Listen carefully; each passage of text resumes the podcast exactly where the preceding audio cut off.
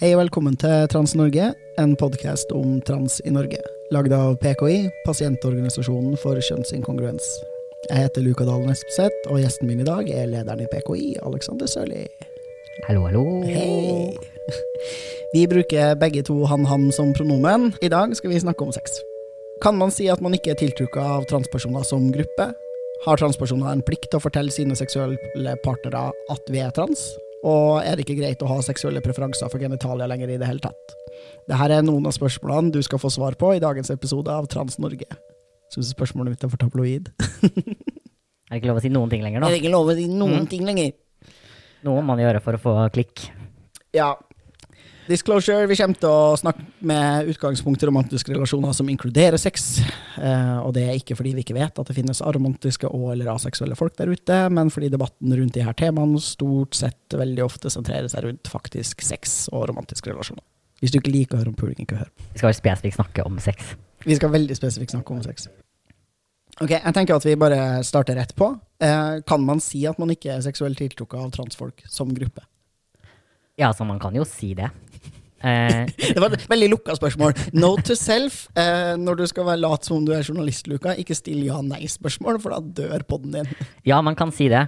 Jeg, jeg tenker kanskje et bedre spørsmål i så fall er jo om det er en sann statement, da, eller om man kan vite at det er sant, og hva som egentlig ligger i det.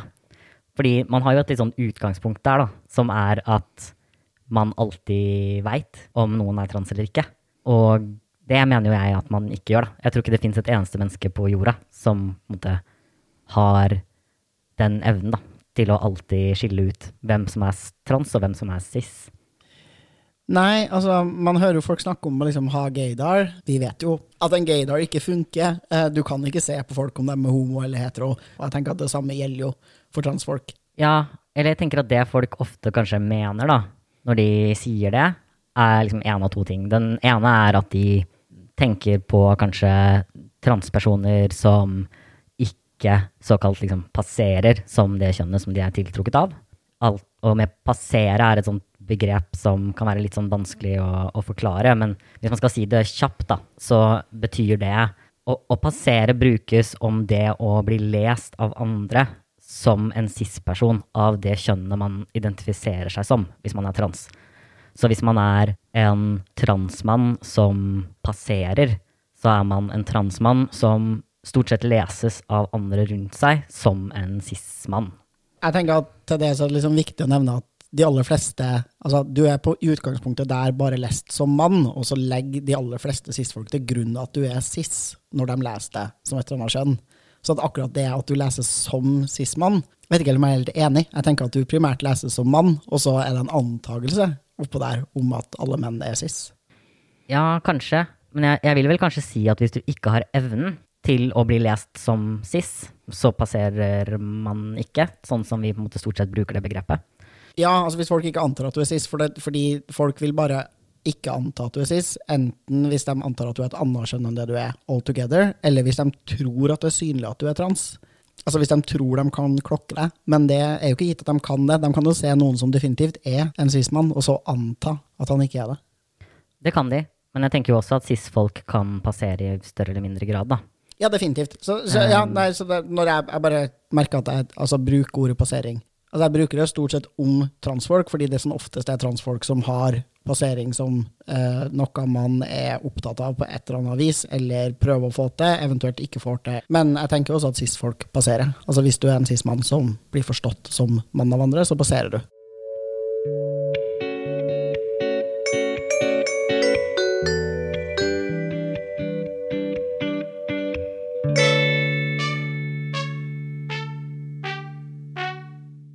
Ja, du var inne i en tankerekke som jeg Ja, jeg var inne beklager. den, men den, den forsvant litt sånn bort fra meg nå.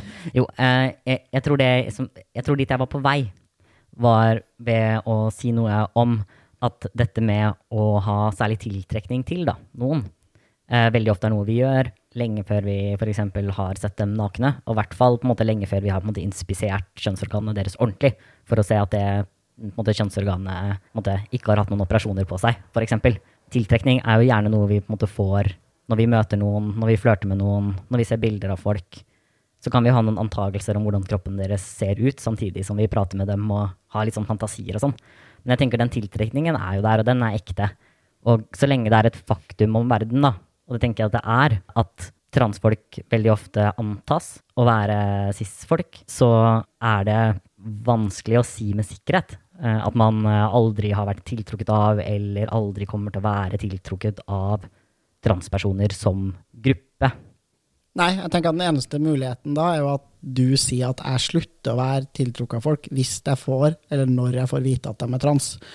Har du egentlig følt tiltrekning til noen, og så velger du å, å si sånn 'Å, nå fikk jeg vite at de var trans', så slutter jeg å være tiltrukket av dem. Syns de er ekle og heslige. Ja, det, er, det er en forskjell på å synes noen er ekle og heslige, og det å slutte å være tiltrukket av de for så vidt. Men jeg tenker at hvis det bare er det, altså sånn det ikke handler om kropp engang, da. Fordi en ting er at en veld, hvis en veldig stor del av fantasien din involverer at vedkommende har et visst type kjønnsorgan, f.eks., du er skikkelig opptatt av pikk, liksom. Det er på en måte en stor del av alle fantasiene dine. Sånn at med en gang du blir tiltrukket av noen, og du får seksuelle fantasier om de, så er den pikken skikkelig sentral. da. Så er det jo klart at det å få vite at vedkommende ikke har en pikk, kan være noe som måtte bare gjøre dem uinteressante som seksuelle partnere. Men det som er kanskje mer påfallende, er jo at man hører om folk, f.eks., som er veldig opptatt av at f.eks. transkvinner som jo har hatt nedre kirurgi, og som har en vaginaskjede, som folk ikke nødvendigvis klarer å se at er operert når de ligger med dem, f.eks., fremdeles sier, da, etter å ha gjennomført eller samleie med dem, f.eks., at de ikke er tiltrukket av transkvinner. Og da tenker jeg, da begynner vi å snakke om ja, transfobi. Da er det å, det er vanskelig å forstå det som noe som handler om en materiell virkelighet, da. Eller noe som du på en måte har en sånn genuin grunn til å gjøre noe med den seksuelle tiltrekningen din eller mot vedkommende? Nei, altså, det er jo et helt objektivt faktum at du har vært seksuelt tiltrukket av denne personen, og er det. Altså, når du syns de var hot, flørta med dem, tok dem med deg hjem eller ble med dem hjem, hadde sex med dem, syntes sexen var deilig, kom, er glad og fornøyd, og så plutselig forandres din idé om hele den opplevelsen fordi du får vite at de er trans. Ja, da har det skjedd noe, da. Og da handler det om mye om stereotypier, tenker jeg. Da har du noen tanker om transfolk som er grunnleggende transfobe, veldig ofte som gjør at da ble de på en måte personer som ikke lenger i det hele tatt er liksom seksuelt interessante for deg. da. Det trenger jo ikke nødvendigvis alltid å være sånn holdninger som du kanskje klarer å sette ord på, men uh, jeg tror det ofte at det er det også. I veldig mange av de her casene så er jo veldig mye av argumentasjonen at, de, at folk har liksom blitt lurt å være homo. og altså, Ganske sånn homofobisk, transfobisk, klassiske tanker og ideer rundt det som har skjedd. Men jeg vet ikke, hva tenker du? Nei, altså jeg tenker jo at det er transfobt hvis du sier at det konsekvent alltid gjelder alle transfolk. Hvis du bryter ned til noe liksom spesifikt, så tenker jeg at det kan være helt greit. For eksempel så tenker jeg at det kan være helt greit å ha en preferanse for hva slags type genitalia du har lyst til å ha sex med, sånn som du sier, hvis penis av en viss type er ekstremt viktig for din seksualitet. Og så er det jo klart at det er på en måte jeg føler at det er, sånn, det er, så trivielt at det er på en måte teit at man i det hele tatt må si det. da. Men hvis man er trans og har denne diskusjonen, så må man si det igjen og igjen og igjen. Du kan si nei til sex av bokstavelig talt hvilken som helst grunn du vil. Det er sånn, det er, du har aldri en plikt til å ha sex med noen, og det er det heller aldri noen som har sagt at du har. Det vi snakker om nå, er hva er på en måte mer eller mindre liksom, si, legitime holdninger da, som ligger til grunn for at folk tar den typen valg.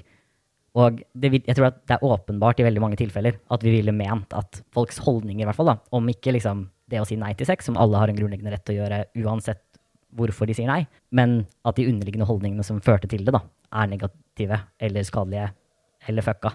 For eksempel noen som mener at liksom, abort er mord, så de ville aldri ligge med en kvinne som har tatt abort før, og vil umiddelbart slutte å være tiltrukket av enhver kvinne hvis eh, liksom, vedkommende får vite da, at den kvinnen har tatt en abort. Da tenker jeg at de fleste av oss vil være sånn Ja, du har selvfølgelig en, en rett til å si nei til uh, sex og velge helt fritt hvem du på en måte ligger med og involverer deg med. Men uh, den holdningen der, da, som gjør at liksom kvinner blir heslige for deg idet du finner ut at de har tatt en abort, det er ikke en uproblematisk holdning. Nei, det er verdt å diskutere og eh, titte litt på hvor det kommer fra. Så da tenker jeg, da har vi én liksom kan man, en, vi har svart på, kan man kategorisk si at man ikke er tiltrukket av transfolk som gruppe? Nei, det kan man ikke, fordi man kan ikke se på folk om de er trans eller ikke. Det betyr at du sannsynligvis har vært, eller kommer til å bli, tiltrukket av noen som er trans. Og nummer to, har du lov til å la være å ha sex med transfolk? Ja, det har du lov til. Fins det eh, mer eller mindre Hva skal man si? Ja, legitime grunner Ja. eh, til å på en måte til at man i praksis da, kan si det sånn, ofte ikke er tiltrukket av eller interessert i å ha sex med transfolk. Ja, det er det. Ja. Kan vi nevne noen legitime grunner til å i praksis ende opp med å ikke ha sex med en person som er trans? Ja, Jeg tenker jo at hvis du har en seksualitet som er veldig sentrert rundt uh, kjønnsorganer og det å bruke de, og du har en veldig ja, tydelig tanke da, om hva slags type kjønnsorganer du foretrekker at partneren din har, tenker jeg det er en eh, veldig legitim grunn til å ikke ønske å ligge med noen. Men det er klart at da må vi ta inn over oss også at f.eks. transfolk ikke nødvendigvis har det kjønnsorganet som de eh, ble født med, og også at det kjønnsorganet ofte fungerer og ser ganske annerledes ut etter hormonell eh, behandling. Da. Ja, definitivt. Og så må man også ta inn over seg at dine genitale preferanser ikke bare dreier seg om transfolk, da. de kan også ramme cis-folk. Da diskriminerer du ikke på gruppenivå. Da Da ville du, hvis du var en homo-cis-fyr som er veldig veldig opptatt av liksom penis, så ville du også latt være å ha sex med en cis-mann som av en eller annen grunn ikke hadde penis, da, eller som ikke hadde en penis som levde opp til dine forventninger om hva en penis skulle gjøre. For eksempel, la oss si at det er en fyr som aldri kan ha ereksjon, eller som har liksom som har en uvanlig utseende. Ja, En, mi- en mikropenis eller noe sånt noe, da. Ja. Altså, sånn, som ikke er noe større enn det som eh, transmenn eh, kan få på testosteron, f.eks. Ja, eh, jeg er, jeg er enig. Og det er det jeg tenker at når man snakker om liksom, ja, disse grunnene som på en måte ikke har sin bakgrunn da, i feilaktige tanker eller fordommer mot liksom, transfolk, så vil man ende opp med grunner som også, i hvert fall i teorien, vil kunne ramme cis-folk også. Eh, og så kan det være sånn at i praksis så vil det liksom uh, slå ut primært hos transfolk, og det tenker jeg jo f.eks. dette med penis på en måte vil, vil gjøre, da. Kanskje i praksis veldig mye oftere slå ut uh, mot liksom transmenn enn mot cis-menn. Ja, det, det er en- unektelig flere transmenn som ikke har penis, enn cis-menn som ikke har penis. Det er sant. Uh, Og det hører du jo litt om når det gjelder forhold også. Det er en del som er sånn her Jeg er ikke interessert i uh, forhold med transkvinner, f.eks. Det er veldig viktig for meg at de sier fra om det, fordi det å få barn som er liksom biologisk mine egne, f.eks., det er liksom kjempeviktig for meg, da. Og jeg vil liksom være sammen med en kvinne som kan gå gravid og få barn. Så er det sånn, ja, det er jo for så vidt greit nok, men det vil jo ramme sant, andre også. Mm. Altså, da sier de jo egentlig veldig lite om vedkommendes transstatus, og egentlig bare noe om kroppen deres, da, som er en sånn biologisk fakta om verden, heller enn en sånn tanke om hva transfolk er. Jeg tror ofte også i praksis at man liksom spør spørsmål ofte feil når man spør folk eksempel om de altså prøver å lage sånne hypotetiske scenarioer om hvorvidt folk ville vært i forhold med eller eh, vært tiltrukket av eller ligget med transfolk. Når kanskje et bedre måte å liksom gå på det er å lage et sånt hypotetisk scenario der liksom Men hva hvis du fant ut om partneren din, eller noen som du unektelig er veldig seksuelt tiltrukket av nå, da, er trans? Altså at de, de ble født med et annet kjønn enn det som de lever som, og som du alltid har kjent de som.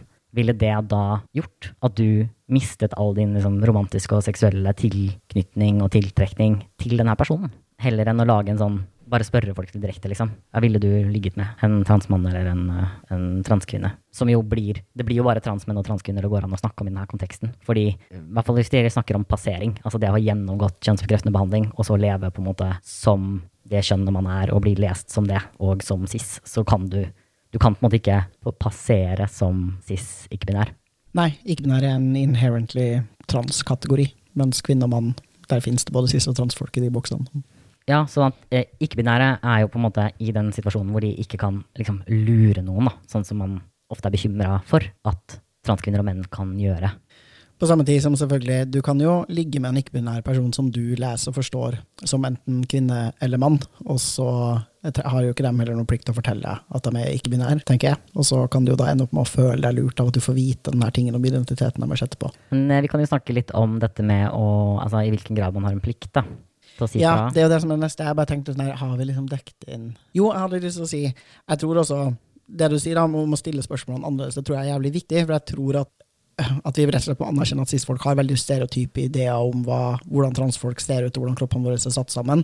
Og når du liksom ber folk om å ta stilling til en tenkt transperson, så har de et veldig spesifikt bilde i hodet sitt da, som er veldig lite representativt, både for liksom den gjengse transpersonen, men også av det mangfoldet av forskjellige transpersoner som finnes, da, både når det kommer til identitet og hvordan vi ser ut og hvordan kroppene våre er satt sammen. Så fram til liksom, folk faktisk har en ikke-stereotyp idé om hva transfolk er, så er det jo helt umulig å liksom spørre folk. Ja, og det gjelder særlig, tenker jeg da, for denne kategorien av transfolk som måtte, har tatt kjønnsbekreftende behandling, og som måtte leses av alle som det kjønnet som de identifiserer seg som og er. Liksom. Det, den, den, kategorien av transfolk særlig tror jeg at de aller fleste cis-folk ikke har noen ordentlig liksom, konsept av. Eh, og det preger jo også ekstremt mye av debatten til enhver tid. Altså denne tanken om at transkvinner alltid er forstyrrende i kvinnerom, f.eks., er jo helt avhengig av en tanke om at du alltid kan se at noen er trans.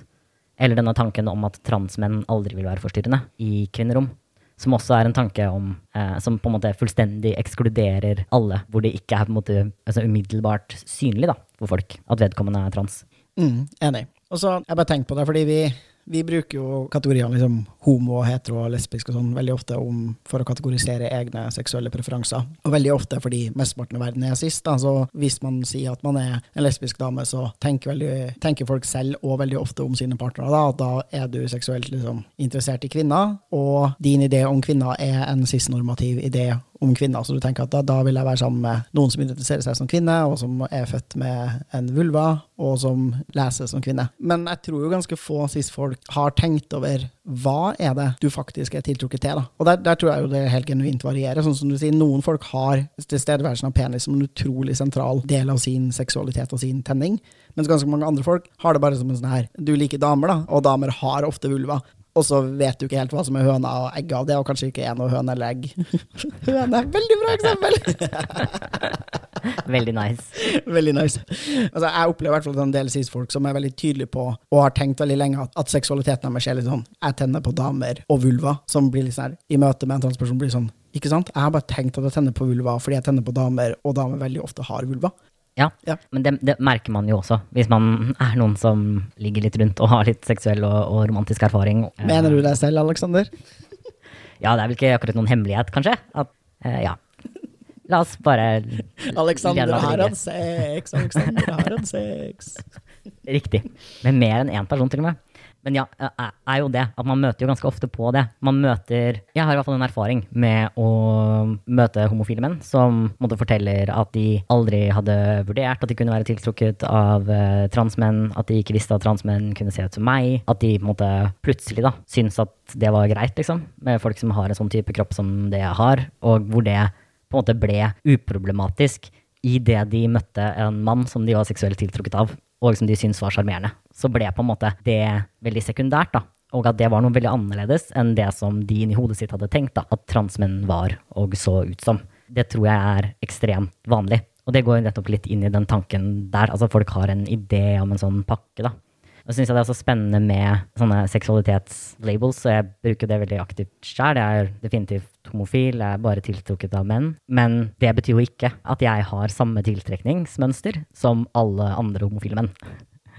Veldig, altså sånn, homofile menn er jo tiltrukket av veldig mange forskjellige ting. Hva slags type menn og hva slags type kropper, og hva det er man liksom har et fokus på, er jo ekstremt forskjellig. Det eneste fellesnevneren måtte alle homofile menn har, da, er jo at vi er menn, og at alle menneskene som vi er tiltrukket av, da, er menn, eller i hvert fall folk vi leser som menn. da. Altså Inni der er det jo ekstremt mye. Og som du sa, noen er veldig opptatt av penis, andre er veldig opptatt av liksom, at folk skal være hårete og ha mørk stemme og skjegg og være liksom, maskuline. Andre liker liksom twinks, som helst skal være litt sånn hårløse, men fremdeles helt klart menn og gutter. Kanskje mer opptatt av andre typer altså kroppsdeler. da. Mer opptatt av rumpa og liksom andre deler av, av kroppen. da. Ja, enig. Tenker at de her kategoriene altså de er jo nyttige og, liksom, og viktige identitetskategorier for folk, men de er jo banale forenklinger av virkeligheten. Og det tenker jeg jo, det er jo strengt av kategoriene kvinner, men også i seg selv.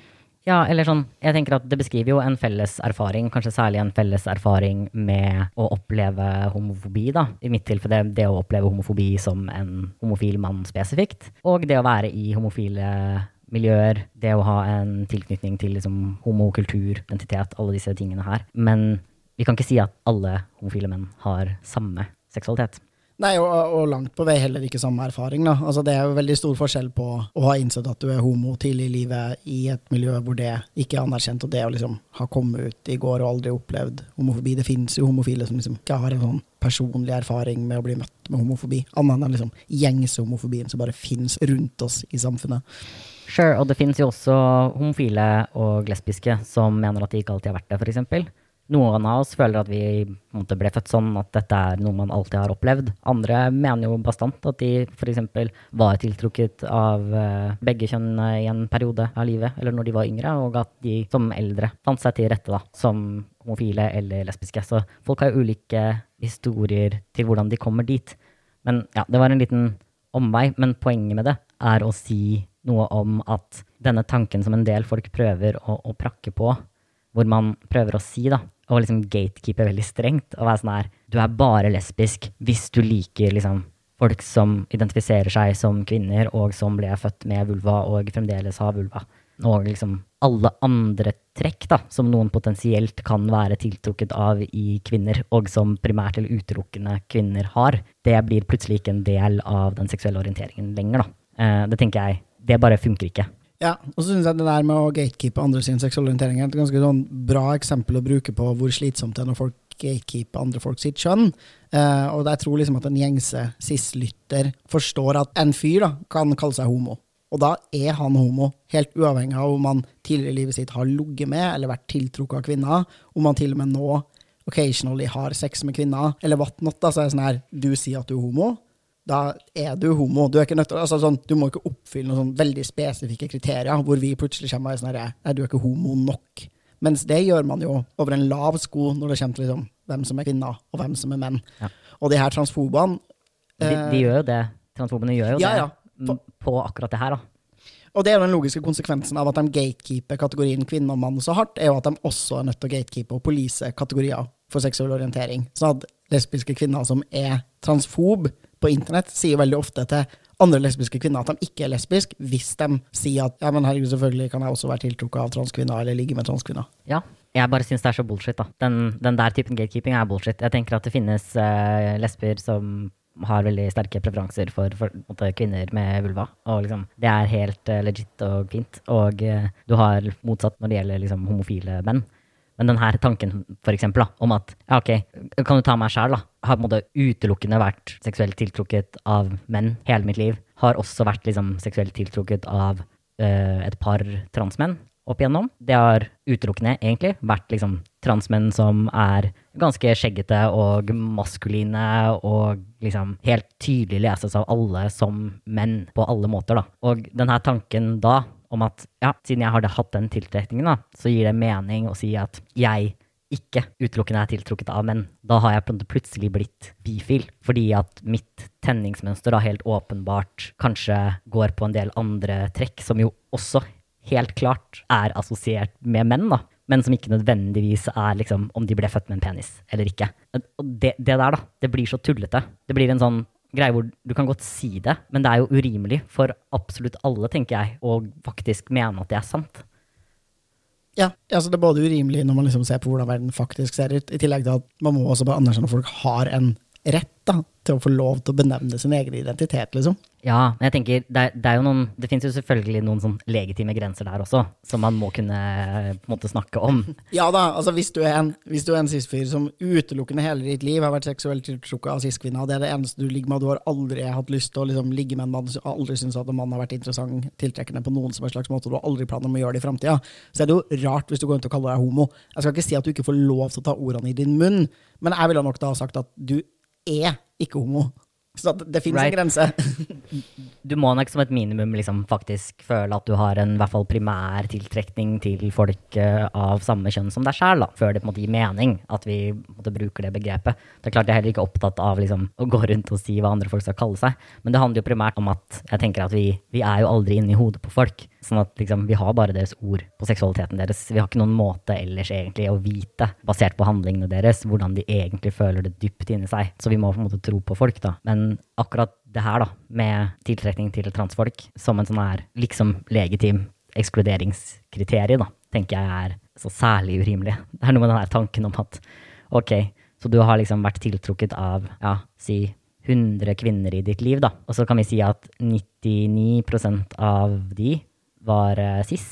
Og uh, absolutt uh, alle sammen hadde liksom var formfulle og hadde bryster og var liksom feminine Ja, veldig sånn typiske sekundære kvinnelige kjønnstrekk. da. Og det var særlig liksom bryster og kvinnelig kjønnsuttrykk og liksom feminine former da, som var din greie. Så én av disse liksom 100 kvinnene som alle møter det her kriteriet, da, som er din primære tiltrekning, ble liksom født med penis, men har det kanskje ikke lenger engang. Og da er vi sånn Ja, men da, da kan du ikke kalle deg lesbisk. Altså det, det mener jeg er vanvittig, da.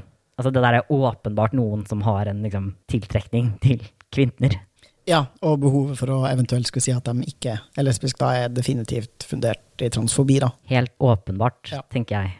Og så mener jeg jo også at det faktisk er legitimt å ha en seksualitet som er mer orientert rundt identitet. Og det syns jeg jo heller ikke at vi snakker nok om. Og med det så mener jeg at liksom, det er faktisk noen som syns det er viktigere enn kropp i den seksuelle tenninga si. Altså at de f.eks. opplever noen som lever som og leses som eller ikke engang ikke leses som cis-menn nødvendigvis, men som leses som veldig tydelige maskuline personer, f.eks. Og som har en identitet som gutter og menn, og på en måte deltar i en sånn maskulin kultur. At f.eks. det gjør at du også er tiltrukket av transmenn som ikke nødvendigvis passerer, f.eks. Og at det er en like på en måte legitim grunn til å ha en tiltrekning som en heterofil kvinne eller som en homofil mann. da. Hvis måte, ja, folks identitet og uttrykk for eksempel, er viktigere for deg i din seksuelle og romantiske tiltrekning enn kropp. Ja, og jeg tenker at det er nok grunnen til at jeg ikke så veldig ofte finner heteroseksuelle menn tiltrekkende. Selv om de liksom objektivt sett er pene, så handler det liksom om Altså, jeg finner jo heller ikke heteroseksuelle kvinner veldig ofte så veldig tiltrekkende, fordi jeg liker Jeg syns at skeivhet, da, er, er liksom Jeg syns skeivhet er veldig tiltrekkende. Men hvis gaydar ikke funker, hvordan funker det da? Nei, altså det vil jo selvfølgelig være heteroseksuelle menn jeg syns er sexy og deilig, og som jeg unektelig tenner seksuelt på. Men da vil det jo være sånn type Nei, selvfølgelig. Hvis det er en heteroseksuell mann som ikke forteller meg at han er heteroseksuell, og som henger på liksom en homobar og oppfører seg som en naturlig del av det skeive miljøet han da er inne i, så ville jeg jo ikke gjort Da ville jeg liksom ikke Da ville jeg ikke klokka han, da, rett og slett. Så da hadde jeg jo vært Hm, det er sant. Men jeg tenker jo Uh, så den seksuelle tiltrekninga ville jo helt klart vært der. Jeg tenker jo at jeg ville nok ikke inngått i et forhold med noen som er strictly heteroseksuell. Jeg tenker at det har vært så begrensende for sånn felles erfaring. Hvor artig er det å dra på pride? Eh, potensialet for å liksom ha trekanter. Det er veldig mange ting da, mm. som er en direkte konsekvens av at noen er heteroseksuell, som jeg ikke er så veldig interessert i. Men kan man ha trekanter med Ja, man kan det, ja. Jeg tror, jeg tror heterofolk har trekanter hele tiden. Jeg ble sånn, Men hvordan gjør de det? Men de gjør jo det. Men da er det jo noen som ikke er så interessert i noen som er til stede. Nei, de trenger jo ikke det. Det kan jo være liksom to menn som til en dame, for eksempel. Ja, men da er, da er jo ikke dem så interessert i hverandre, eller? Nei, altså da er jo ikke menn interessert i hverandre. Nei, det er ikke så gøy. Men hvis man er tre menn, da, da kan man jo få det til. Men da, han er jo homo, da. Ja, ikke sant? Hetero. Nei, det går ikke med hetero. Der ble det. Dette var veldig komplisert. I tried to imagine heterosexual, but I can't do it. Eller så kan du jo selvfølgelig alltid gjøre liksom, seksuelle ting med noen uten at du er spesielt tiltrukket av dem. For eksempel fordi partneren din blir kåt av det. Det tror jeg også er sånn relativt vanlig. Ja da, herregud, selvfølgelig. Så, så, det er jo ikke sånn at jeg faktisk ikke er tiltrukket av heteroseksuelle folk. Jeg bare ofte altså, Nei, men ønsker... Det er jo helt legit å ikke være det. Ja, ja. Jeg bare ønsker andre ting av en Eller, relasjon. tiltrekning er jo vanskelig, da. Jeg tenker jo at tiltrekning er jo noe man har litt sånn uavhengig. ja da, så det vil være men det å ikke være interessert i å ha en relasjon til, er jo ja, definitivt altså, Det er uaktuelt for meg uansett, på en måte. En problemstilling jeg lander i. Nei, men du ville jo hatt problemer hvis, hvis, du hadde funnet en fyr da, som jo helt opplagt liksom, ikke er heteroseksuell, fordi han puler menn, men hvis han liksom insisterte på å ikke kalle seg homo, og ikke være åpen, og ikke gå i pride, så da blir det jo vanskelig. Ja, det hadde vært dølt, liksom. Det hadde jeg ikke giddet. Enig. Men da har du helt sånn praktiske konsekvenser også. Ja, definitivt. Og det sier noe om dem som person, da, på en måte som jeg tenker at det å si at man er trans eksempel ikke er. Og jeg tror at en del folk vil nok behandle sin motvilje til å være med transfolk litt på denne måten. Altså De vil mene at det å være trans er et eller annet som, som gjør at da er du psykisk syk, altså, eller du har, sånn type, du har vrangforestillinger, du hater kroppen din, bla, bla, bla. Eh, eller du har en del holdninger og tanker eller et eller annet da, om kjønn som er inkompatibelt med dem. da, Og det er liksom livet de har lyst til å, å leve. Og med en gang du drar en hel masse sånne konklusjoner fra at noen er trans, da. Det tenker jeg er mer, eh, det er mer problematisk enn å tenke at noen som er veldig ukomfortable med å bli stempla som skeive, eller være i skeive rom, f.eks., ikke kommer til å være så veldig kompatible, eller kompatibelt med et liv i et veldig skeivt miljø, da. Mm. Det er liksom forskjellen på har du noe faktisk å ekskludere folk på, eller er det den her at de tilhører en kategori? Fordi Ja. det holder ikke i seg selv, all den tid det finnes mangfold i denne kategorien trans. Samme med politiske meninger, da. Altså, det er vanskelig å si noe om tiltrekning. Sånn, du veit jo aldri Veldig ofte hvis du bare hooker opp med noen, så aner du jo ikke liksom, nødvendigvis hva slags politiske holdninger de har, f.eks.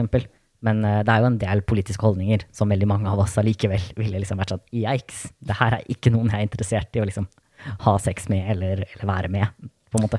Det er sant, og det løser jeg på følgende måte, med å skrive på alle mine datingprofiler at jeg ikke ligger med folk som er nazister, liksom. Fordi jeg kan jo finne på, i kraft av å være hvit, og plutselig ha sex med noen som er nazi, uten at jeg visste det. Men da gjør det den veldig naive tanken her, da, som er å tenke at folk leser profilteksten. Altså, det er tre linjer. Det forventer jeg. Jeg veit ikke. Vi kan jo gå videre da, måte Ja. til det her med å ha en krav til å si fra eller ikke. Fordi apropos det, så har jo jeg hatt diverse liksom, dating- og hookup-profiler opp igjennom hvor jeg har hatt at jeg er trans på dem, og folk fremdeles ikke har skjønt det. Jeg gjorde det etter hvert til en greie, og på en måte også si fra etter hvert. Varierende grad hvor måte, åpen jeg har vært om å være trans, da, men i de periodene hvor, var, hvor jeg var veldig lei av å liksom, møte folk som ikke liksom, syntes at det var ok, eller måtte ha masse opplæring, egentlig mest det, kanskje, så gjorde jeg det til en greie å, å, å dobbeltsjekke før jeg møtte noen sånn Hei, du har lest profilen min, ikke sant? Sånn, du, du veit at jeg er trans, liksom? Og, og du veit hva det betyr? Ja, for det viktige, du vet hva det betyr, fordi jeg har opplevd. Altså, den beste storyen var den ene gangen jeg liksom fikk en fyr på besøk som jeg hadde truffet på Grinder, og han liksom kommer hjem til meg, og så virker han litt sånn forvirra, så jeg er litt sånn, eh, jeg var litt sånn, ja, her er soverommet mitt, og så var han litt sånn, ja, og så sier han sånn, jeg har tenkt du skulle være litt mer feminin, og så er jeg sånn, ja, ok, hvorfor det? Så tenker jeg sånn, ja, ok, han tenker sikkert at, altså at alle transmenn er liksom twinks da, eller ser liksom femi ut, jeg var sånn, ja, du har jo sett bilder av meg, liksom, jeg er ikke noe mer femi, altså jeg er ikke noe mer macho nå da, enn jeg liksom var på de bildene, hva er greia? Han bare sånn, nei, men jeg tenker kanskje du liksom hadde pynta deg litt, eller, og så bare står jeg sånn, å fy faen, han trodde jeg var ei transdame. Ja, ikke sant? Og, sånn, og da er det veldig, det er veldig eksplisitt. Til og med brukt sånne ord som typ sånn her 'jeg har fitte'. Ja. Og så er det sånn, ja, men selvfølgelig. Altså, ja, nei, det, det, det kunne jeg jo Kunne selvfølgelig vært en transdame som hadde fitte. Masse transdamer som har det, liksom. Så det er helt eh, Jeg klarte helt tydelig ikke å forklare det. Jeg var sånn, ja, men jeg er en transmann. Nei. Nei. Men det synker ikke inn. Altså, jeg har også hatt flere som, som har tenkt det. Ja. Jeg har for så vidt også faktisk liksom hatt sex med noen. Og liksom gjennomført samleie med de. Og hatt vedkommende fremdeles ikke forstå at jeg er trans. Og så forsto på en måte at jeg hadde den kroppen jeg har og sånn, da. Men han Det kom fram, da, etterpå, at uh, han trodde at jeg liksom var født sånn, bare, på en måte. Eh, og, og med det som jeg hadde jeg ikke hadde tatt noen liksom, kjønnsbekreftende behandling, men at liksom, jeg bare var sånn. Han hadde ikke noen sånn tanke om, om det. da. Det var, liksom, det var veldig også, sånn absurd, fordi jeg reklamerte jo veldig for det, på en måte. Eller sånn, det sto veldig, veldig tydelig da, at jeg var trans. Jeg har fått spørsmål fra en fyr jeg har ligget med, om hvorfor jeg har valgt å gjennomgå genitalkirurgi for å få fitte, på en måte. Og da tenker jeg sånn Ja, det er utrolig hva cis-folk Hva slags logikk de kan klare å liksom oppkonstruere. Men det har jeg også fått, altså jeg har fått spørsmål om det en del også. Sånn ja, tilsvarende. Ja. Hvorfor valgte du det? Og ja. Lovely. Ja. Så folk kan jo lure på hvorfor vi liksom tar det her opp, men det er veldig veldig relevant i forhold til dette med disclosure. Og disclosure er et sånt her begrep som man ofte bruker om det å fortelle at man er trans når man leses som en cis-person av det kjønnet man faktisk er, da. Altså etter transition, på en måte. Og ofte så bruker man disclosure istedenfor å bare si å komme ut, fordi man prøver å skille mellom to veldig forskjellige erfaringer, hvorav det å på en måte komme ut som trans bruker man oftere om den her erfaringen av at liksom Nå har jeg hele livet mitt blitt lest som en gutt, og så kommer jeg ut som trans fordi jeg er egentlig en kvinne. Mens Disclosure, som jeg ikke vet om vi egentlig har noen godt ord for på norsk, er den erfaringen av jeg er en eh, mann som ble tildelt et kvinnelig kjønn ved fødselen, men som lever som mann nå, og har måtte, kanskje gjort det en stund, og leses sånn av andre men jeg skal fortelle noen at jeg har denne historien. Ja, det er rett og slett liksom åpenhet om transstatus, og om, åpenhet om hvilket kjønn du er. fordi det er gitt at det er mennesker som er åpne om hvilket kjønn de er, og lever som det kjønnet. Right, så man har på en måte to måter. For å være litt sånn forvirrende, så kan på en måte transfolk være litt sånn ikke åpne om å være trans på to forskjellige måter.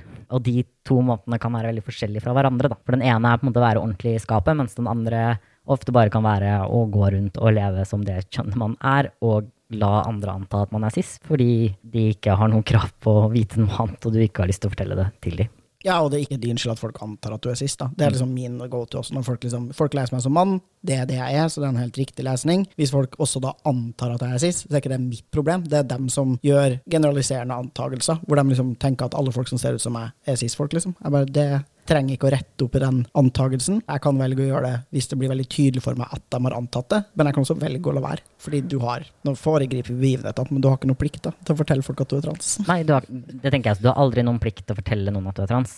Ever. Altså, det, det, er ikke noe som og, og, kanskje særlig fordi det også er informasjon som kan putte deg i fare. da. Og det er også denne grunnen til at jeg mener at også det å måtte eksplisitt si late som, da, at man er cis når man er trans, er faktisk greit, da. Og det mener vi, tenker jeg, i de fleste andre kontekster også. Vi mener at liksom, det er greit om homofile i visse settinger ikke forteller at de er homo, da. Selv om folk måtte eksplisitt antar, og de veit at andre antar, og kanskje til og med lyver om det, fordi det er tryggere. Og det, det kan også på en måte transfolk gjøre, og det kan være et helt liksom, legitimt valg å gjøre. Så er det selvfølgelig sånn at uh, det er lurt å si fra før du er aleine med folk, og liksom før man har vært med folk hjemme og sånn. Og det handler primært om egen trygghet, tenker jeg. Ja, det er definitivt ikke omsorg for eller plikt overfor cis-folk. Det er fordi du skal ha kontroll på situasjonen, og vi vet at noen cis-folk utgjør en reell voldsfare for transfolk. Ja, og kan bli veldig sinte hvis de på en måte opplever at de har uh, blitt lurt, da. Men poenget Det har de ikke blitt. Nei, det har de ikke blitt. Men poenget med denne begynnelsen er jo også at liksom, man må alltid være skeptisk også til historier om, fra cis-folk som er sånn her Jeg tok med noen hjem, og så viste det seg at uh, den personen var trans, og var, jeg hadde ingen clue før jeg dro av buksa. Å være litt sånn her ja, cis-folk er ofte helt ekstremt clueless, og man kan ofte si til dem liksom helt eksplisitt gjentatte ganger at man er trans, og de vil fremdeles ikke forstå da hva det betyr, å være sjokkerte når de på en måte endelig skjønner det. Sånn at jeg er alltid skeptisk også når jeg hører den typen historier. da. Til dels fordi jeg tror at de færreste transfolk som ikke har tatt genitalkirurgi, ville putte seg selv i en sånn situasjon. Hvor de på en måte, ja, en transkvinne som ikke har tatt genitalkirurgi, tror jeg veldig, veldig sjelden ville puttet seg selv i en sånn situasjon hvor hun bevisst var med noen som hun visste at tenkte at hun var en cis-kvinne, og så ikke sa noe før han dro ned buksa hennes, da og så penisen. Det er en så ekstremt sårbar situasjon da, for henne å være i, at tanken om at dette er noe som liksom skjer med noen grad av hyppighet, det kjøper jeg ikke, da.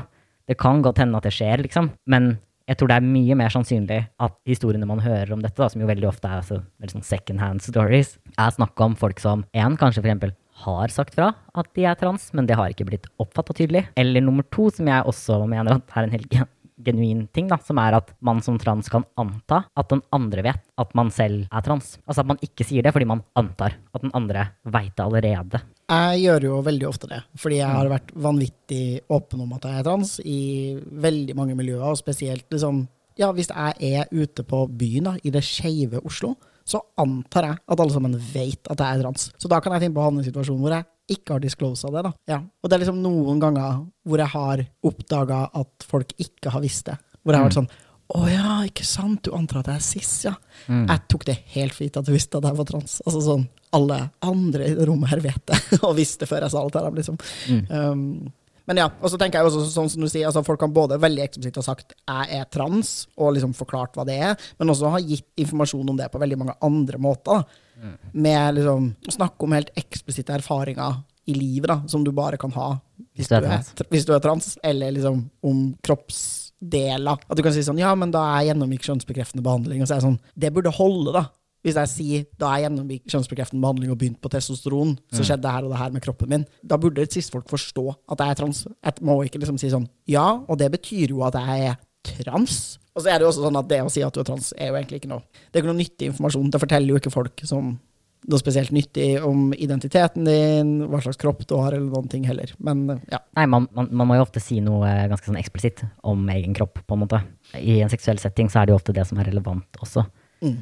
Når det er sagt, så er det selvfølgelig masse settinger også hvor det ikke nødvendigvis er naturlig å disclose, og hvor det er helt uproblematisk. Eksempel der hvor man er i seksuelle situasjoner hvor man ikke har tenkt å bruke sitt eget kjønnsorgan i det hele tatt, eller hvis man har liksom tatt genitalkirurgi som måte ikke vil merkes, hvor det ikke merkes av, av, den man har sex med. Da. Og det tenker jeg er helt uproblematisk. Denne tanken om at det er en form for voldtekt, tenker jeg er liksom Ja, det er ekstremt transfobisk. Og det er ikke noe som vi måte ville sagt da, om noen annen sånn ting som vi ikke umiddelbart uh, forteller noen. Altså sånn, den tanken om at hvis du mottar en blowjob liksom, av noen, og du ikke liksom vet at de er trans, at det på en eller annen måte er en form for liksom, overgrep, da, fordi denne personen ikke hadde hatt lyst til å motta en blowjob fra noen hvis de visste at vedkommende er trans. Ja, der, uh... Da kommer vi jo tilbake til hvem er det som har ansvaret i denne situasjonen. Og jeg tenker at Hvis du har en sånn ekstrem trang til å ikke ligge med transfolk, og ikke inngå i noen som en slags form for seksuell aktivitet med transfolk, så er det du som er nødt til å forsikre deg om at så ikke skjer. Enig. Det kan ikke være liksom Ja, hvis jeg har lyst til å gi noen en blowjob i et darkroom, liksom, så er det sånn her hvis du, Da må den personen si veldig høyt til meg sånn her By the way, hvis det er sånn at du er trans, så vil jeg ikke ha blowjob. Ja. ja det. det. tenker jeg også er helt sånn fair og rimelig å forvente. At de faktisk må. Hvis de har en så sterk preferanse for det. Og det gjelder jo også andre ting som du ikke umiddelbart kan se på noen. Ja, ja. Det er sånn at jeg vil ikke ligge med noen som um, har, har, vært gift før. Ja. Jeg vil ikke ligge med noen som er bifile, liksom. Altså, Hvis du har denne typen sære preferanser da, for ting som du ikke kan se på folk, liksom, da det, det er ikke sånn at liksom, alle som er bifile, må ikke fortelle deg at de er bifile før de gir deg en blowjob, liksom. Hvis du har den preferansen, så må du si det. Eh, og hvis du sier det, så kommer de helt sikkert ikke til å lyve til deg, fordi de fleste vil være totalt uinteressert. Jeg syns det er utrolig turnoff med folk som ikke vil ligge med folk som er bifile. Jeg ville aldri løge på meg å være hetero eller homo for å få pult. Nei, altså hvis noen er sånn Wow, du er på vei til å gi meg en, en blowjob, men to spørsmål. Er du bifil, og er du trans? Fordi jeg vil aldri ligge med noen som er bifile. Og jeg vil aldri ligge med noen som er trans. Da vil jo de fleste som er i de kategoriene, være sånn OK, jeg kjenner at jeg til og med jeg kjenner at jeg til og med er så fordomsfull mot noen som f.eks. ikke vil ligge med noen som er bifile. At jeg tenker at til og med hvis jeg var hetero, så ville jeg sagt sånn Nei, jeg vil ikke ligge med deg hvis du kategorisk sier at du aldri vil ligge med noen som er bifil. Jeg bare tenker at du er kjip, liksom. That's ja, ja. just me. Ja, helt klart. Og jeg håper jo også at noen eh, At det finnes en del eh, cis-folk der ute som kanskje også intuitivt ville liksom tenkt at dette er, dette er weird. Men skulle vi snakke litt om liksom, tidspunkt for disclosure? Fordi altså, vi lager jo en podkast som skal være educational for cis-folk, men jeg mener også at den skal være en ressurs for transfolk primært. Mm. Og da tenkte jeg vi kunne prate litt mer om når og på hvilken måte er det lurt å si fra om at man er trans, når man skal ligge med noen som er cis. Da tenker jeg at jeg gitt det her eksempelet. Jeg ser for meg at veldig få transfolk ville ha reagert i noe særlig retning hvis det mm. plutselig viser at partneren deres var trans.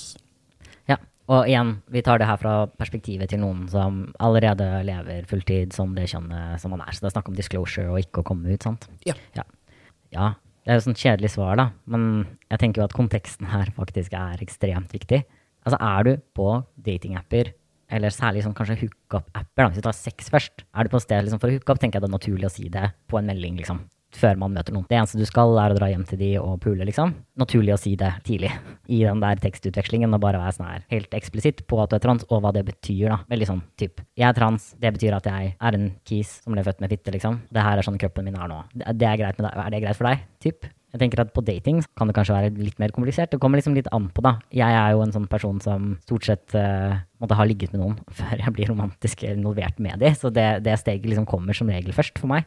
Men eh, hvis man er en sånn som på en måte dater litt mer sånn at man går ut på dates og ikke liksom ligger sammen med den først og, Men i, i, den typen kontekst så kan jeg jo se for meg at det er litt annerledes. Da tenker jeg at man kan ha en legitim grunn til å vente et par dates, liksom. Men eh, igjen, da. Det er jo stort sett liksom lurt å si fra relativt tidlig. Med mindre man har en tanke, da. Altså, med mindre man f.eks. er stealth, sånn at man må verne om den informasjonen ganske hardt. Altså man ikke er åpen på jobb, ikke er åpen i, på studier. Altså det er veldig viktig at denne informasjonen ikke kommer ut. Så har man jo en god grunn til å vente til man i hvert fall har fått en følelse av at vedkommende ikke er ekstremt uttalt transfob. fordi hvis man finner ut at det er uttalt transfob, så kan man jo heller Da er det jo mye tryggere å avvise på et annet grunnlag enn å si ja, du er drittransfob og jeg er trans, så derfor vil jeg ikke ha noe med deg å gjøre. Du kan jo bare ghoste de eller et eller annet istedenfor. Ja, det vil jeg definitivt anbefale deg å gjøre. Fordi hvis, i hvert fall spesielt hvis du er stelt, altså hvis du ikke er åpen om at du er trans i noen settinger i livet ditt, så, så, så må du bare gi fra deg den informasjonen til mennesker du har veldig god grunn til å tro at klarer å holde på den informasjonen for seg selv. Og noen som er transfob, vil ikke nødvendigvis klarer å holde på den informasjonen for seg selv. Og du har jo lov til å avvise folk på et hvilket som helst grunnlag. Du kan bare si sånn her, jeg liker ikke at du har på deg grønne klær så ofte, liksom, så jeg orker ikke å date deg lenger. Ja, og det er jo unektelig tryggere å gjøre det. Er man på byen, det er kanskje den situasjonen jeg tenker at er mest vanskelig. Det er klart, på nett så har man en veldig sånn trygg måte å informere folk om transstatus, og det er jo på melding. Altså sånn, det er jo den aller tryggeste måten. Du kan være hjemme hos deg, vedkommende er hjemme hos seg selv. Du informerer skriftlig og unngår på en veldig ubehagelig situasjon. Det å være på byen og liksom være på hukeren, det tenker jeg er mer komplisert. Det er ofte høy lyd, det er ofte musikk. Man tar jo ofte ikke liksom en sånn seriøs prat før man liksom begynner å klå litt og ta litt her og der og kline og sånn. Samtidig så har man jo lyst til å på en måte kanskje få formidla den her informasjonen før man har kommet så langt at man har ringt taxien, liksom. Ja, hva er løsningen, Alex? Har du en? Er det noen uh, sånn tydelig løsning, da? Jeg, jeg har nok hatt en tendens til å si fra sånn idet jeg foreslår at vi skal dra hjem til han, da, hvor jeg er sånn her. Ofte så har jeg hatt en tendens til å frame det litt som noe som han eller ja, burde vite, på en måte, om meg. Litt sånn her Du veit at jeg er trans, sant? Spørsmål. For det legger liksom litt byrden over på dem, istedenfor å la det bli en sånn her confession, hvor jeg føler at jeg liksom må dele, altså skal liksom dele en sånn her stor hemmelighet. Og sånn, men vent, du må høre, jeg har, jeg har noe jeg må si først. På en måte, så er det mer naturlig å være sånn Ja, ok, ja, skal vi dra hjem til deg, eller noe? Men uh, bare sånn at jeg veit det før vi drar. Du, du veit at jeg er trans, ikke sant? Ja. Og du vet hva det betyr, liksom. Så kan de reagere på det. Og det, for meg så er jo det naturlig, fordi mange veit jo det også. Ja, jeg tror altså at jeg pleier å frame det cirka sånn. Altså at jeg spør sånn her, du fikk med deg at jeg er trans, ikke sant? Altså du er klar over at jeg er trans, altså du vet bare for å forsikre meg om at de har forstått at jeg er det, sånn at vi alle sammen er forberedt på hva vi skal. Eller så har på en måte eller sånn Standardmåten for meg eh, vært å si fra ting, er jo å si sånn her 'Jeg har fitte', liksom. Hvis det er det jeg har prøvd å formidle. Det er sant, det hender seg også at jeg sier. Det er ikke alltid folk forstår det lell, da. Nei, Men, det, men herregud, absolutt ikke. folk forstår det ikke når jeg sier at jeg er trans, eller? men det er ofte liksom tydeligere, tror jeg, for mange. Ja, Og så sier det noen tydelige om liksom hva slags type kropp du har, da. det er sant. Jeg tror jeg noen ganger liksom har sagt sånn herre, jeg har ikke pikk. Mm. Og da har noen folk vært sånn, hva har du da? Og det er sånn, nei, da har jeg fitte, da. Mm. Men det er jo et legit spørsmål å spørre hva jeg har istedenfor, er ikke det? Og dette her er jo en sånn ting da, som jeg tenker at man jo faktisk må være litt sånn åpen for, hvis man er trans og skal liksom ut på ikke bare datingmarkedet, men liksom hooke-markedet, for å si det sånn, da, skal ut og, og ligge. Og det er jo liksom Man må være åpen for at folk liksom stiller spørsmål om egen kropp, og ikke liksom intuitivt forstår like mye da, av hva de skal gjøre. Fordi igjen, vi har jo det her. Transfolk har veldig forskjellige kropper, liksom. Folk tar, eh, har tatt eh, ulike operasjoner, og transfolk har ofte Alle har jo det, men transfolk kanskje i større grad enn andre da, kan ha veldig kompliserte forhold til sin egen kropp, og har liksom måter å bruke den kroppen på som er veldig forskjellig. Sånn at man må ha en viss liksom, åpenhet for å tørre å snakke da, om sin egen kropp, tenker jeg, til eventuelle seksuelle partnere. Ellers så blir det veldig, veldig vanskelig. Ja, eller da må du ta til takke med det du får, da. Så blir noen som gjetter på hva som er ålreit og ikke ålreit, og det kan jo folk gå litt skeis.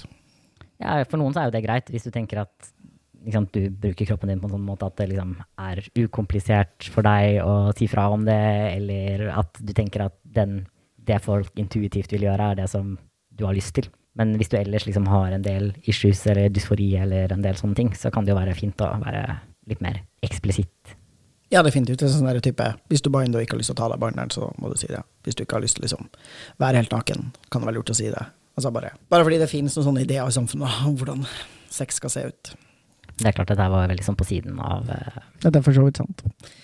Bottom line her er du har ingen plikt til å fortelle folk at du er trans, men du gjør lurt i å gjøre det for din egen trygghet og sikkerhet. I tillegg ofte, så ofte for din egen seksuelle nytelse, tenker jeg.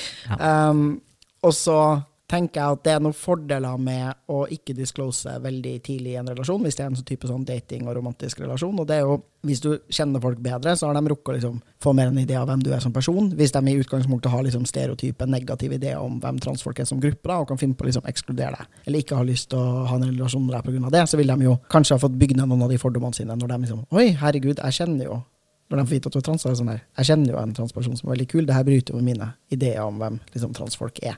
Og de kan ha rukket liksom blitt ordentlig romantisk interessert, og dermed også jeg bare være mer interessert i å bygge denne relasjonen videre, selv om de kanskje ikke nødvendigvis syns at Altså Kanskje ikke det som står høyest på ønskelista deres var en transperson, men sånn vil det jo alltid være når du liksom dater folk. så er det sånn her, Du finner jo ting om dem. Etter hvert som er sånn her Ja, altså jeg hadde jo egentlig mest lyst på noen som liker å gå på topptur, og så viser det seg at jeg har fått en latsab-kjæreste, på en måte. Ja. Eh, altså, det, Men det går bra, fordi jeg elsker den lille rare gameren min, liksom. Ja. Ja, og, og sånn vil det jo alltid være i relasjoner. Mens det jeg tenker at er liksom ulempen med å, å ha venta lenger med å si fra, er jo at du må tenke på liksom hvor hardt, hvor mye tøffere blir det for meg å bli avvist Mm. jo lenger jeg har vært i denne relasjonen. Jeg tenker jo at For meg så er det sånn her når jeg bare skriver liksom, på grand-profilen min jeg er trans, og så trykker ikke folk på meg, det er en avvisning jeg ikke får med meg engang.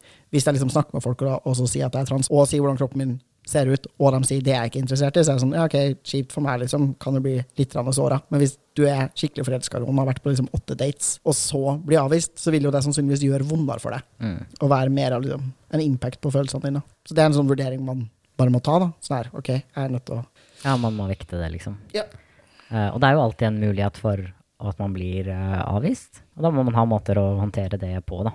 Men der vil jeg jo igjen si at liksom, hvis du skal disclose, det er lurt å gjøre det når du ikke er aleine med noen. Det betyr ikke at liksom, de fleste er liksom, voldelige i møte med transfolk, men det betyr at det er, kan skje, og har skjedd, om at du er sårbar når du er aleine med noen. Og at selv om de ikke eventuelt blir voldelige, så kan en voldsom reaksjon da, oppleves også mye mer truende når du er i, ja, har noen hjemme hos deg, eller er hjemme hos dem, da, enn hvis du er f.eks. på byen og har mye mer av en mulighet til å få folk rundt deg, da, til å måtte gripe inn, eller at du har mulighet til å gå din vei på en mer liksom, effektiv måte, eller igjen, du er på nett da, og kan blokkere folk, fjerne dem, liksom. Ja, det er jeg enig i. Og så tenker jeg en annen ting som jeg syns vi skal ha litt omsorg for cis-folk, da, som kan unektelig bli veldig overraska over å vite at noen er trans, fordi de bare går rundt i en verden og antar at alle er cis, selv om de egentlig vet at det finnes transfolk. Så tror jeg jo at noen også kan ha en reaksjon som, som ikke er voldsom i, liksom, i retning av vold, men som er liksom sterk og emosjonell, og hvor man kanskje blir så overraska at man liksom sier litt dumme ting, eller gjør ting man etterpå altså ikke ville ha gjort da, hvis man hadde fått litt mer ro rundt seg. Mm. Og jeg tenker at Noen ganger kan man jo også kutte cis-folk litt slekta. Være sånn her, ok, greit. Hvis jeg skriver det på en melding, så får du liksom tid til å tenke deg om. Så Mm. slipper jeg å høre de første liksom ufiltrerte reaksjonene dine på det her. Kanskje du får googla litt, eller spurt en venn før neste gang vi ses. Som jeg tenker kan være behagelig for alle involverte parter. da. Ja, og folk kan jo også være stressa, altså sånn ha andre grunner igjen som gjør at man kanskje sier nei, selv om man egentlig var litt keen når det kommer veldig kjapt på. En ting jeg hører veldig mye fra cis-folk som ikke har tenkt masse på i det hele tatt, at de skal ligge med, med transfolk, men plutselig liksom har møtt noen som de bare syns er hotte, eller et eller annet sånt noe. Eh, eller er liksom, ja, skjønner at det er liksom, oi, det finnes liksom, er jo denne tanken for eksempel om, kanskje særlig blant de som bare liker ett kjønn, eller har erfaring med ett kjønn, er sånn, herregud, hva gjør jeg med denne kroppen? Eller hva, hvordan, hvordan har jeg sex med noen som liksom, ja, har en kropp som liksom er, er på denne veldig spesifikke måten, da, og som i tillegg er trans? Eh, de får ganske noia sånn her, herregud, hva skal jeg kalle disse kroppsdelene? Bruker man samme begreper? Bruker de de kroppsdelene? Hvordan gjør de det? Hva slags kroppsdeler har de egentlig? Liksom, hva slags, hva, og, og hva betyr det i så fall? Hvis, hvis det er tatt en kirurgi, hva, hvordan, hvordan fungerer det, det kjønnsorgan og den kroppen da? Altså sånn at de får jo en litt sånn panikk, liksom. Sånn, vi har jo alle en, en måte, hva skal vi si, seksuell selvtillit, da, på en måte. Eller vi har ikke alle en seksuell selvtillit, men sånn type Alexander har seksuell selvtillit. Det var ikke det jeg mente, men Men ja, vi alle liksom Vi bygger jo seksuell selvtillit gjennom erfaring, da. Vi kan si det sånn. Altså, sånn typ, vi er alle klønete de første gangene vi har sex, liksom. Og så gjennom å ha sex med flere partnere eh, ved å prøve forskjellige ting, så lærer vi på en måte ok, det her er sånn jeg håndterer ulike typer kropper og ulike typer scenarioer man kan komme i, ikke sant? Som kan gjøre sex liksom klein eller vanskelig eller wh- whichever. Og det gjør at man får en form for seksuell selvtillit. Og hvis man plutselig liksom står ovenfor noe og i tillegg kanskje er litt engstelig av seg, da, av natur, så kan det godt hende, og det tenker jeg er sant for mange, da, at de tenker at oi, men jeg har ikke egentlig noe imot det, liksom, men jeg har skikkelig imot å bli sett på som noen som er seksuelt klønete, ja. eller dårlig i senga, så ikke faen, liksom, om jeg skal ligge med en transperson. Altså sånn. Det tror jeg også er en sånn respons da, som mange kan få, i hvert fall hvis de bare plutselig får det på seg. Ja, definitivt. Og det, og det har jeg liksom erfart også i, i relasjoner hvor jeg har liksom snakka litt mer med folk og, og ligget med dem over tid. da. Er liksom sånn her, At folk kan bli veldig sånn, hvis de klarer å være eller sånn, Jeg har veldig lyst til å være flink til det her, fordi jeg, altså jeg har lyst til å være flink til å pule, og min identitet er mye bygd rundt at jeg faktisk er en sånn flink til å pule-fyr. liksom. Og så være sånn Men jeg vet ikke hva jeg skal gjøre. Uh, kan, du, kan jeg få noe clues? Og det er jo selvfølgelig enklere hvis du har fått lov til å liksom, tenke deg om, da. Og ja, kan være lett å liksom være sånn OK, det her ble jeg. Jeg hadde sett for meg at enden på kvelden liksom skulle være meg som går hjem og gjør det her scriptet som jeg kan. Det pleier å Mm. funke, liksom. Good shit, jeg gjør det. Og så er det sånn her Wow. Nå må jeg finne på noe annet. Har ikke kreativitet og kapasitet til det. Ja, og kanskje er du full og litt sånn i tillegg, da. Og ikke liksom helt på ditt eh, liksom mest klare. Hvis du er på byen og den typen ting. Altså sånn, Ja. Jeg har forståelse for det, liksom. Det er jo Ja, jeg hadde jo tenkt at vi skulle ende opp denne podkasten med å si sånn her Alle cis-folk må ligge med alle transfolk. det er, fordi det er jo det vi mener.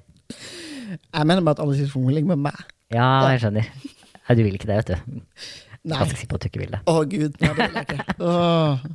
Det er ikke sånn at jeg ikke vil ligge med cis-folk kategorisk på gruppenivå, men det er veldig mange cis-folk jeg ikke vil ligge med. Det er fair. ja, Og det er også fair å si om transfolk. Korrekt. Konklusjonen er nei, du kan ikke si at du ikke er tiltrukket av transfolk på gruppenivå, fordi det vil du sannsynligvis være. Eh, Du har lov til å ikke ligge med folk, hvem du vil, Eh, men hvis du velger å ikke ligge med folk bare fordi du får vite at de er trans, så må du kanskje ta en liten sjekk på holdningene dine, og undersøke litt hvorfor du tenker at transfolk som gruppe er uliggbar. Ukjærestebar. Transfolk er aldri forplikta til å fortelle at vi er trans til seksualpartnerne våre. Verken før, under eller etter sex, men vi anbefaler likevel transfolk stort sett å gjøre det. Um, I hvert fall hvis du har en kropp som folk kan oppdage at er trans. Hvis du ikke har det, kan du gjøre hva faen du vil. Um, så kan du også gjøre hva faen du vil. Ja. Ja. Og når du velger å disclose på hvilken måte, it's up to you. Tusen takk for at du ville være med på podkasten i dag, Alexander Sørli. Bare hyggelig. Jeg heter Luka Dalen Espeseth. Takk til Martin Skjold for den nydelige Trans-Norge-musikken. Takk til Salam for at vi får låne utstyr til å ta opp denne podkasten. Følg Trans Norway på Spotify for å få alle episodene av Trans Norge. Spre ordet om podkasten hvis du liker den. Følg PKI sin Facebook-side Pasientorganisasjonen for kjønnsinkongruens. Og på Instagram, der heter vi pki.norge. Og meld deg inn i PKI på nettsidene våre kjønnsinkongruens.no.